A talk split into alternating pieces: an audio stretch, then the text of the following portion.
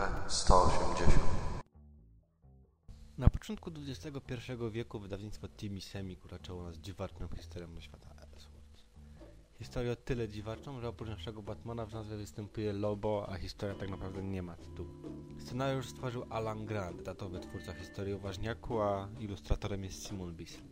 Jeśli miało się do czynienia z dziełami któregokolwiek z tych panów, można spodziewać się, że historia nie będzie należała do tych prostych i łatwych.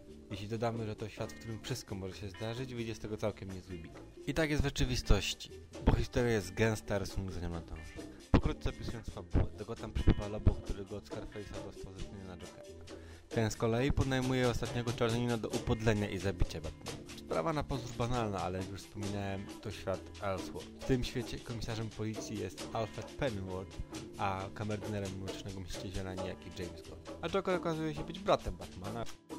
Warstwa rysunkowa również nie ustępuje historii. Pokraczny i czasami uproszczony styl Bisleya doskonale pasuje do opowiadanej historii i możemy podziwiać wynaturzonych do granic możliwości Killer Croca, Pingwina, Scarface'a. Killer Croc to humanoidalna jaszczurka. Pingwin to dziwadło plujące małymi rybkami i rozgwiazdami poruszające się na serce nury, a jego gang to rekiny żółwi ośmiornicy.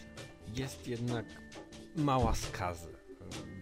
Cały komiks kolorowany jest komputerowo przez Natana Eiringa i niestety kolory niezbyt pasują do opowiadanej historii. Prawdopodobnie przysłużyło się temu też, jak wiemy, niezbyt wielka dbałość o wydawnictwa Timisemi.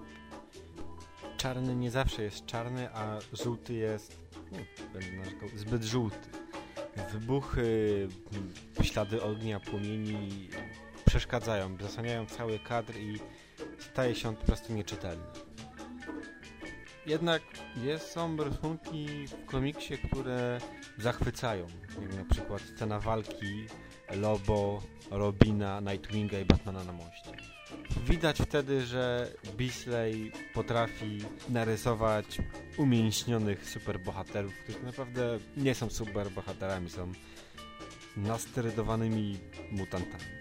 Podsumowując, czy komiks jest warty zakupu? Tak, z czterech powodów. Grant, Bisley, Batman i Lobo. Jeśli jesteście fanem któregokolwiek z tych panów, warto kupić i warto postawić go na półce, schować do pudełka, czy położyć obok płyty Stepen. Batman Lobo to historia całkiem przyjemna, pełna krwawego rozgardiaszu i całkiem dowcipnych tekstów oraz rysunków. Dla B180 Japon Fan.